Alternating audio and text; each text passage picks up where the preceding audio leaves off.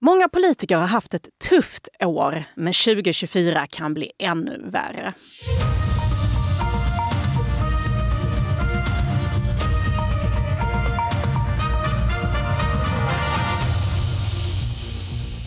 Välkomna till Politikrummet, Expressens nyhetspodd om svensk politik. Idag med mig, Karin Olsson, som programledare. Men huvudpersonerna, det är ju förstås våra initierade politikreportrar Annette Holmqvist och Thomas Nordenskjöld. Välkomna in i studion denna hektiska julvecka. Tack så mycket. Tack, tack. Mm. Ja, om, om, bara ett halvår så är det ju val till EU-parlamentet och väljarna de brukar väl vara lite måttligt engagerade i det här. Men som jag har hört av ert snack här på redaktionen så blir det här ett viktigt genrep inför eh, det stora riksdagsvalet 2026. Ja, men det stämmer ju absolut. Man kan väl se det som en temperaturmätare för partierna, var de befinner sig någonstans. För även om det inte är partiledarna som står på listorna så är EU-valet viktigt för dem också. Det är viktigt att man kommer ur det här valet med liksom en positiv känsla. Eh, så, för att när det här valet väl är över, men då börjar man direkt blicka på valet 2026. Jag tänkte vi ska ge ett, eh, göra ett litet svep här över partierna och se vilka som har mest anledning att, att oroa sig eller, eller kanske glädja sig. Eh, men Anette, det här med Liberalerna och Johan Persson, för det har ju låtit på dig som att han borde ligga sömnlös över det här EU-valet. Ja, men alltså Johan Persson har ju extremt mycket att bevisa här. Han leder Sveriges EU-vänligaste parti att åka ur skulle ju vara en knäck för självkänslan, självbilden hos Liberalerna. Nej, men han har ju, det, det, är verkligen så och eh, jag hörde det när man pratade runt Liberalerna att det här scenariot eh, om man skulle tappa, man har ett mandat idag. Det var ju så att förra EU-valet gick det ju jättedåligt och man klarade, med, klarade liksom gränsen för att komma in till, eh, till Europaparlamentet med minsta möjliga marginal. Eh, men skulle man tappa det mandatet, nej men det, det, är ett scenario som man inte ens vågar tänka på. Och, och jag kanske inte så mycket som talar för det, men det är mycket som står på spel och skulle man tappa det så då, då, då skulle det leda till en diskussion om, om hans framtid i partiet tror jag. Ja, men Johan Persson har ju investerat ganska mycket i det här valet också. De har ju Karin Karlsbro som är relativt okänd för allmänheten som toppnamn. Men Persson själv har ju tagit in Anna Maria Corazza Bildt, tidigare moderat, som är en erkänd kampanjpolitiker och har en energi ungefär som ett kärnkraftverk. Ja, men, och det, är, det är väl också det som talar för ändå Liberalerna, att om, man, om man ser det att du fick ta del av en eh, mätning som cirkulerar i flera partier eh, eh, som har gjorts, eh, där man ser att hon är en av de absolut kändaste kandidaterna. Mm. Eh, och, så de hoppas ju mycket på henne. Kan vi inte bara höra hur det lät när Johan Persson då presenterade sitt eh, fynd? Jag älskar kampanja, så jag ser fram emot att, att vara ute och träffa svenska folket tillsammans med Karin och andra liberalerna. Vi kommer också vara där, jag lovar dig. vi har ju kampanjat förut. Vi var ju för euron, eller hur? Exakt. Det var ju 20 år sedan, så nu är vi på det igen. Exakt. Ja, nu är det, nu är det på det, det var, igen. Ja, det var roligt. Hon slutade, hon, tog, hon stal ju verkligen showen på den här pressträffen. Så ganska karaktäristiskt för henne får man säga. Hon berättade också att hon hade ringt upp Ulf Kristersson för att på något sätt försäkra sig om hans goda vilja att, att, eh, ja, att, att hon nu skulle företräda ett annat parti. Eh, det är lite speciellt med de här partibytarna. Ja. Eh, hon är också väldigt känd som Carl Bildts fru. Ja, också känd säga. för samarbetssvårigheter när hon satt för Moderaterna eh, som hon ju lämnade med buller och bång. Så. Eh, mm. Men, nej, men hon är, jag skulle ändå säga att hon är en tillgång för partiet, kan bli. Eh, en annan sak som flera lyfter internt är ju eurofrågan och det här med att man är det Europavänliga partiet och, och att man är det enda partiet som driver på för ett svenskt euromedlemskap. Det, det, det beskrivs av vissa som en X-faktor här som, som också skulle kunna bli en räddning. Jo, men samtidigt så hör man också från liberaler att det finns en oro för just det här med ja till euron. De räknar ju med med att det är det som kommer vara budskapet från Liberalerna i det här valet. Och då, personer som jag har pratat med menar att det är ett ganska svårt budskap för en allmänhet. Det kräver att man vet lite grann för att förstå vad som skulle vara fördelarna med euron till exempel. Och att man eh, i ett sånt här läge vill ha mer glädje och hjärta. Och eh, kanske lite mer eh, glimten i ögat som till exempel, vi minns väl alla Jan Jönsson i Stockholm som kampanjade med med budskapet gängens värsta fiende. Ja, men Anna Maria Kratsa Bildt hon är känd för sin parmesan och matlådor och energi. Så, att, så att det, det tickar in på den, Precis. den saken. Basta till matsvinnet gick hon till val på förra gången och delade ut matlådor. Ja, vi får se vad hon hittar på i den här kampanjen. Då. Vi ångar vidare tycker jag. Näste man till rakning är då Muharrem Demirok och Centern. Mm. Vad har ni hört kommer hända där? Kommer de att trycka upp honom på stora affischer som de har gjort med Annie Lööf i, i alla år? Nej, men alltså jag skulle säga att för Centerpartiet där är väl utgångsläget nästan sämsta tänkbara. Alltså det, det ser verkligen tufft ut och eh, det är intressant. Jag pratade precis här innan med en, med en eh, tongivande centerpartist som sa att det här verkligen blir ett test av Demiroks ledarskap. Alltså partiets tålamod börjar tryta med honom. Han ger ju knappt utslag i de här förtroendemätningarna. Det kommer kritik internt både från höger och vänster och eh, man gjorde ett ganska starkt EU-val senast. Det gör att fallhöjden är ganska stor eh, och man riskerar att, att tappa mycket. Men här handlar det om att vinna ett mandat. Eh, då tror jag man, det, det, det, är nog vad han behöver göra. Men skulle man åka på stortorsk här som en sa till mig, nej men då kommer det, då kommer det inte Demirok. Skulle man tappa det, till och med eh, tappar man båda mandaten, då kommer Demirok inte vara partiledare nästa val, var som sa till mig. Nej, och just det här med att eh, visa upp honom på valaffischerna, det säger folk att det är nog snarare någonting man skulle avråda ifrån eftersom han har så svagt förtroende hos allmänheten och är okänd fortfarande. Han är ju verkligen ingen Annie Lööf där. Nej. Och eh, internt så finns det också en tveksamhet kring om han faktiskt är den som leder Centerpartiet i nästa riksdagsval. Så det här valet blir ju verkligen viktigt för Lite honom. Lite vinna eller försvinna jo, känsla på, på Centern där. Men de har ju då Emma Wiesner mm. eh, som sitt stora namn mm. eh, inför eh, EU-valet. Hon är då civilingenjör och väldigt klimatprofilerad. Och jag tycker nästan hon ger lite så Annie Lööf-vibbar mm. i sin ja, persona. Ja, men man anser ju att hon har lyckats väldigt väl sen hon kom in. Hon tog ju platsen efter Fredrik Federley när han eh, försvann. Och eh, att hon har lyckats med konststycket att både bli ganska populär hos aktivister och hos Eh, de som står mer från industrins håll och tittar mm. på den gröna sektorn. hon är ju populär internt men alltså problemet för henne är, är ju att hon är väldigt okänd bland allmänheten. Precis. Så att hon är ju på så sätt ändå inget jättestarkt eh, vallokomotiv. Nej, och på andra plats har de då Abir al-Salani. Och hon är faktiskt mer profilerad kanske. Hon fick ett enormt eh, uppsving när hon hade det här nästan politiska stuntet i Europaparlamentet när hon klippte av sig sitt hår för att visa stöd för kvinnorna i Iran. Hon skällde ut EUs utrikeschef eh, för hans passivitet. Vi kan väl höra på det här. Det är ändå en, en klassisk stund i eh, Europaparlamentet. Until the women of Iran are free, we are going to stand with you. Jian, Jian, Azadi, women, life, freedom. Ja, här hör man hur hon klipper av sig håret. Så att hon, hon eh, har ju också varit en en centerpartist som har låtit eh, tala om sig. Verkligen. Hon utmanade Emma Wiesner men misslyckades ju med det. Precis, det var ett kuppförsök som var över på några timmar. Kvinnoförbundet hade velat ha Abir al-Salani på första plats istället för andra plats för att få mer tryck på jämställdheten. Men där gick hon bet. Japp.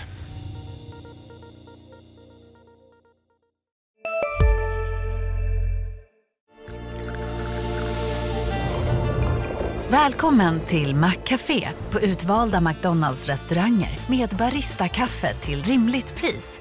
Vad sägs om en latte eller cappuccino för bara 35 kronor? Alltid gjorda av våra utbildade baristor. Hej, Ulf Kristersson här. På många sätt är det en mörk tid vi lever i. Men nu tar vi ett stort steg för att göra Sverige till en tryggare och säkrare plats. Sverige är nu medlem i Nato. En för alla, alla för en.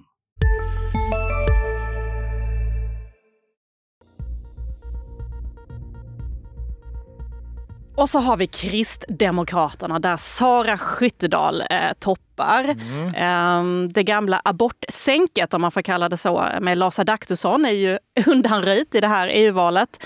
Men hur går egentligen snacket i KD med Sara Skyttedal? Hon har ju haft en minst sagt turbulent tid i partiet bakom sig. Ja, men det är rätt nervöst skulle jag säga när man ringer runt. Alltså, hon är ju jättekänd. Hon är en av de absolut kändaste kandidaterna. Eh, men man ser också eh, i de här interna mätningarna då som cirkulerar, det gjorts en mätning där man testar olika kandidater, eh, att hon mäter väldigt väldigt högt i en kategori och det är ju unlikability. Alltså hon är väldigt, hon är väldigt illa omtyckt bland ganska breda väljargrupper. Sen finns det de som gillar henne också, men hon är kontroversiell och ett problem för henne som är ju den här äh, utspelet kring att legalisera cannabis. Det, har, det hålls emot henne eh, internt och eh, har skapat en stor skepsis eh, i flera stora tunga distrikt i Kristdemokraterna som rent av pratar om att de inte vill kampanja för henne. Så det är ju ett bekymmer.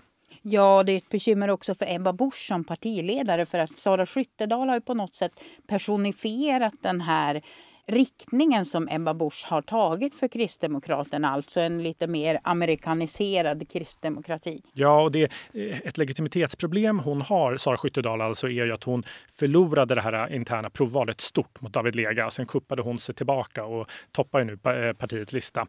Så det, det, det, det är en utmanande situation, men även för Kristdemokraterna när man pratar runt så pratar man i termer av att här, här handlar det om att rädda ett mandat och det tror man att man kan göra. Men, men att man kanske då förlorar, man har två mandat idag, att man, det kommer bli tufft att behålla, behålla båda. Man kommer inte ha någon draghjälp av det. Det kommer inte vara någon Ebba-effekt i det här valet som, som det var för, förra gången. För hon har partiet och hon har en mycket tuffare situation. Den här historien då när, när Skyttedal anklagade Johan Ingerö, partisekreterare, för att ha ofredat henne för många år sedan.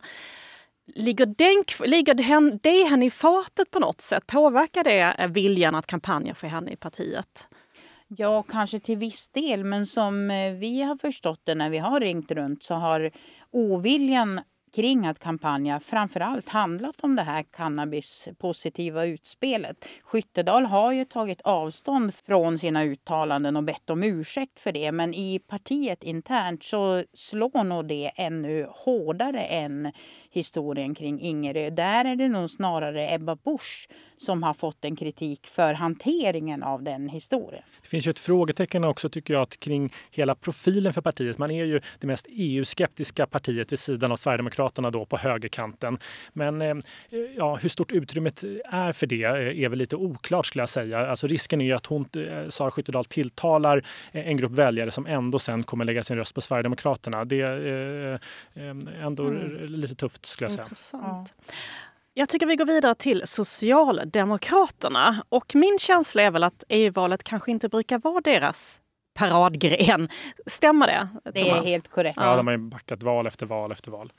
De går aldrig bra i EU-valen. Senast fick de väl 23 procent om jag minns rätt. Ja, men så där är väl någonstans eh, upplagt för revansch, tycker nog många internt, när man har Magdalena Andersson så, som, som är ju superpopulär. Och det går ju jättebra eh, för, för partiet eh, i de vanliga nationella mätningarna. Men eh, samtidigt så, så har man ju då Helene Fritzon eh, som, som första namn nu och hon är ju, hon beskrivs ju lite som Socialdemokraternas svar på Irene Svenonius. Alltså någon som man gärna hade velat bli av med, en supertung maktfaktor eh, som har kontroll över hela liksom, det tunga Skånedistriktet som, eh, och vars man och barn dessutom är, eh, arbetar för partiet där. Eh, men som ja, man liksom hela inte, familjen alltså? Ja, men mm. som man inte kan flytta på för hon är så tung. Hon har varit en maktspelare i partiet men, väldigt men, länge. Vänta lite nu, för jag hörde ju partisekreterare Tobias Baudin eh, när han presenterade Socialdemokraternas valstrategi för Europavalet. Då lät han väldigt stolt över sin lista. Och listan, ja, den leds av Europas tyngsta politiker. Ja, Europas tyngsta politiker. Jag trodde det var så Ursula von der Leyen och sånt där. Men, men det är tydligen eh, Fritzson han pratar om då. Ja, han tog i väldigt mycket där och det där har väl en mött en hel del skepsis. Det han menade var att eh, Helene Fritzon på första plats är tidigare minister i Sverige och hon har eh, suttit med tunga uppdrag i EU-parlamentet. Och även Johan Danielsson, som är partiets andra namn, har ju också varit minister och eh, haft ett tungt arbete i, i Bryssel. Men eh, uttalandet om att de skulle vara Europas tyngsta politiker, det har han har det skrattats åt. Jag försökte titta lite vad, vad Fritzson hade gjort under de här fyra åren. Det fanns ganska ont om, om eh, material faktiskt. Men jag hittade en video som hon har gjort ganska nyligen så vi kan väl se lite vad Socialdemokraterna har att jobba med. Nu har det stora klimattoppmötet i Dubai startat. Jag ingår i EUs delegation och kommer att resa dit för att sätta press på alla länder att minska sina utsläpp. Det är ingen tvekan om att det är EU som leder den gröna omställningen. Till klimattoppmötet reser också Sveriges klimat och miljöminister Romina Pourmokhtari som försöker att leva på tidigare S-ledda regeringars meriter. Vi får se hur det går för, för Helene Fritzon här. Um, hon får kämpa på. Men Miljöpartiet då? Där snackar vi toppkandidater på deras lista. Absolut. Märta Stenevi och Daniel Heldén kan nog luta sig tillbaks.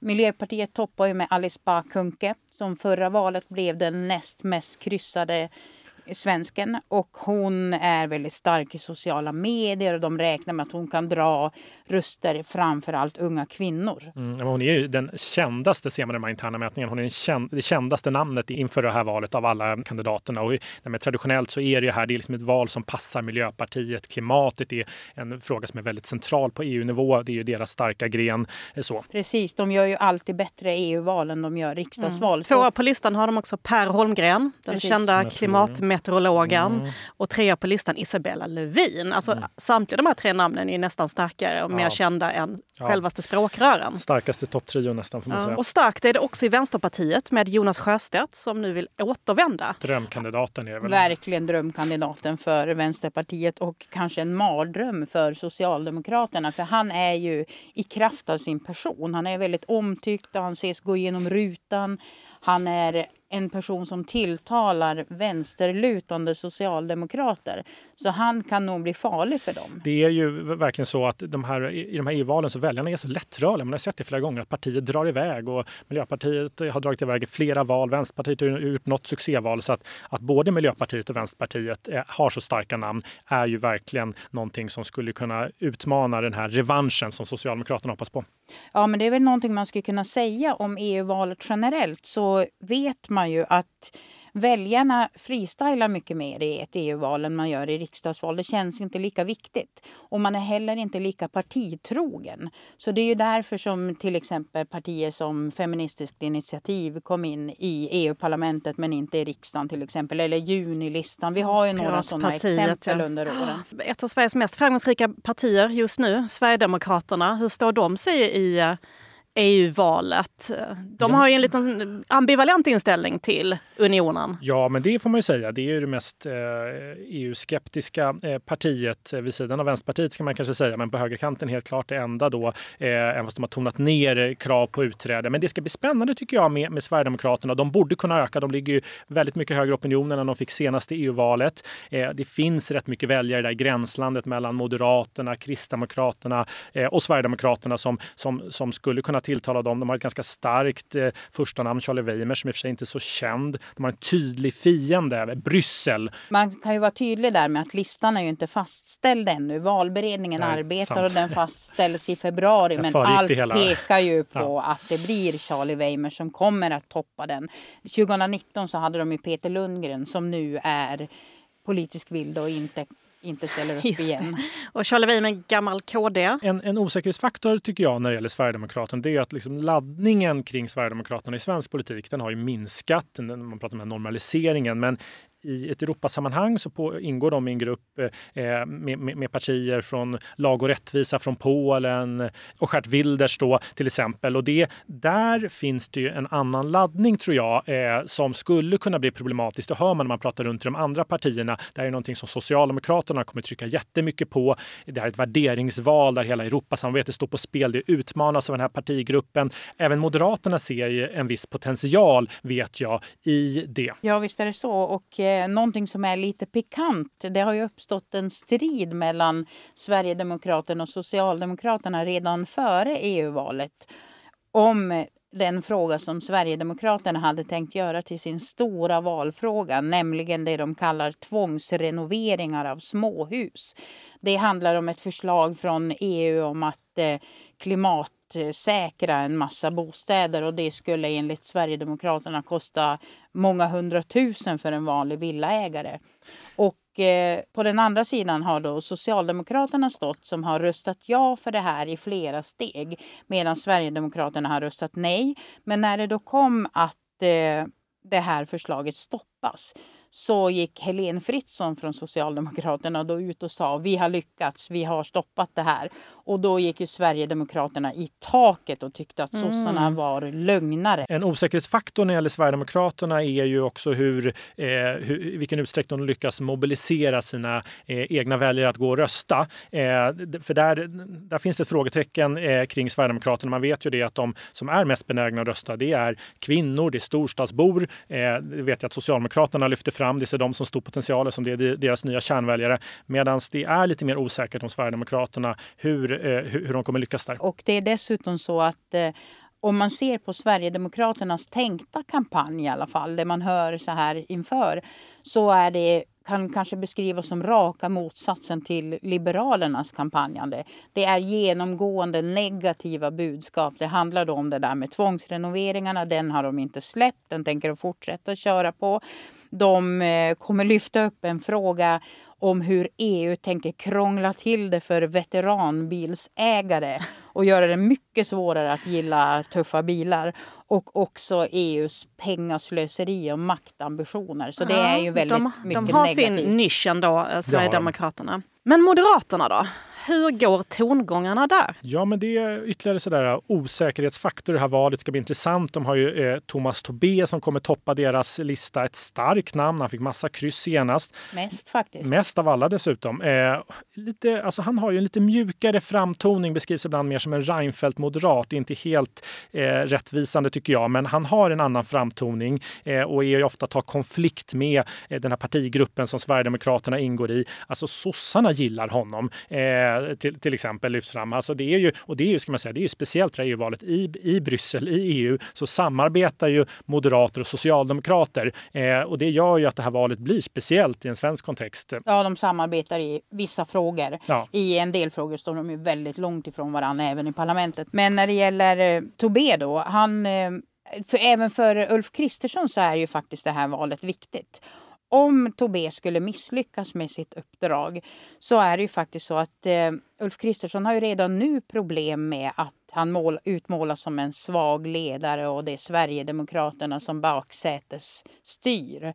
Så att en, ett nederlag här är nog ingenting som Kristersson önskar sig. Jag vet att i Moderaterna så pratar man om de här, det har varit stora väljarströmmar nu under hösten från sommaren och under hösten från eh, Moderaterna till Sverigedemokraterna. Men i, i, mätningar som de gör så ser man att de här väljarna är väldigt skeptiska till Svexit. Det är inget alls de tror på. De är snarare positiva till euron till exempel. Här hoppas ju se Moderaterna eh, viss potential att, att kunna locka tillbaka väljare. Men det finns alltså partiets svaghet här att man, man har ingen riktig motståndare. Alltså den stora konflikten här, den står ju mellan Socialdemokraterna och Sverigedemokraterna. Moderaterna riskerar än en gång att, äh, att hamna i skymundan. Men Ulf Kristersson, han behöver ett styrkebesked ja. i det här valet. Ja, och det, jag vet att det är jätteviktigt för dem, de här strategerna i partiet, att man vänder utvecklingen bland storstadsväljare och kvinnor. Och där hoppas man ju då på att Tobé ska kunna göra det. Man har höga ambitioner, man strävar efter fem mandat.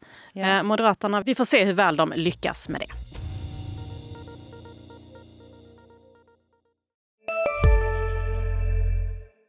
Hej, Synoptik här.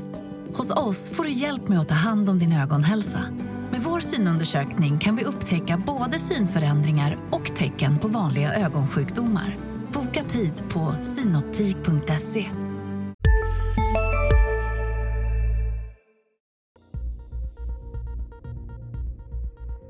Anette, hur många år är det du har bevakat svensk politik?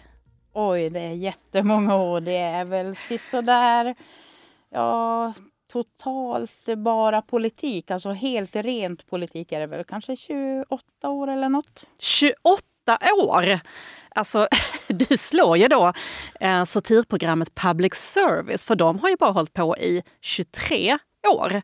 Eh, men förra veckan kom beskedet att nu är det slut. Sveriges Radio lägger ner programmet i eh, Godmorgon världen i P1. Eh, officiellt för att spara pengar, möjligen inofficiellt för att det inte det kanske betraktas som det piggaste programmet i etern, vad vet jag. Men Anette och Thomas, har ni hämtat er från det här chockbeskedet? Ja, jag får väl erkänna att eh, jag tycker inte att det har varit lika bra de senaste åren som mm. det var tidigare. Men eh, beskedet har faktiskt fått mig att försöka lyssna igenom flera avsnitt i alla fall, så alltid något. Det säger väl mer om Sveriges Radio att det har överlevt så länge. Eh, så får man väl säga att det, de är inte så förändringsbenägna kanske. Nej, men vi kan väl höra hur eh, Göran Persson eh, själv kommenterade saken i Studio 1 då, här gestaltad av Göran Gabrielsson. Alltså, besparingar är viktiga. Men eh, det gäller att veta var man ska lägga dem för att inte folk ska bli besvikna. Ja. ja. Man saknar liksom den tiden när Göran Persson gick att imitera. Ja, jag måste ju säga att jag kommer ihåg att Göran Persson fick möta sig själv, alltså i form av Göran Gabrielsson, på en partikongress. Det var väl 2007 när Persson avgick om jag minns rätt. Det är faktiskt ett roligt grepp. Men vad tror ni, tycker politikerna om det här att, att höra sig själv gestaltade? Det, för det är ganska snäll satir det här, det är mer fars. Ja, det är säkert lite olika från person till person, men jag skulle tycka det var kul om jag var i deras kläder i alla fall. Det har väl inte den ställningen att man, det är någonting, någon lägereld som alla samlar sig runt längre på samma sätt Nej. som det kanske var en gång i tiden. Men har, har någon av er blivit imiterade? Inte vad jag vet i alla fall väntar fortfarande. Nej, men jag har hört någon anekdot om KG Bergström, alltså SVTs mångåriga politiska kommentator även här på Expressen i många år. Att han en gång blev imiterad i det här programmet eller något annat och han älskade inte det. Tyckte det var lite jobbigt eh, om, om, om skvallret är sant.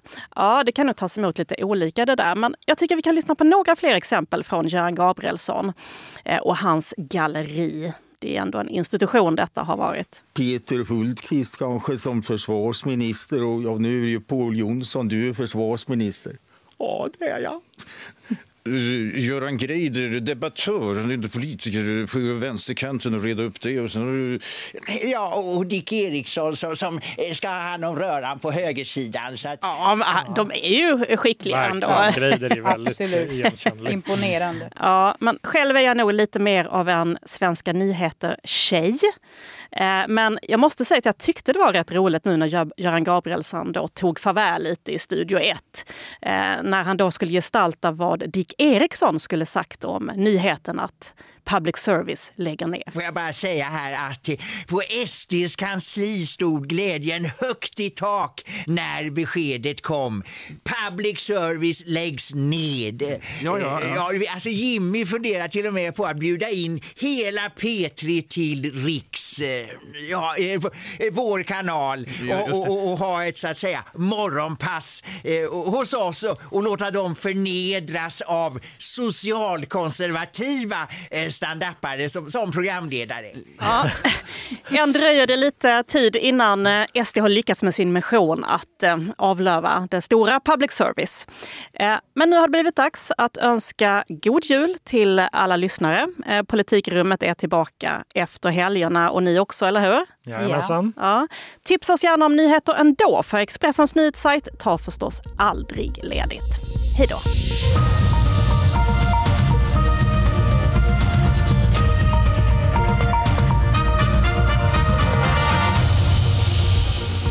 Du har lyssnat på en podd från Expressen. Ansvarig utgivare är Klas Granström.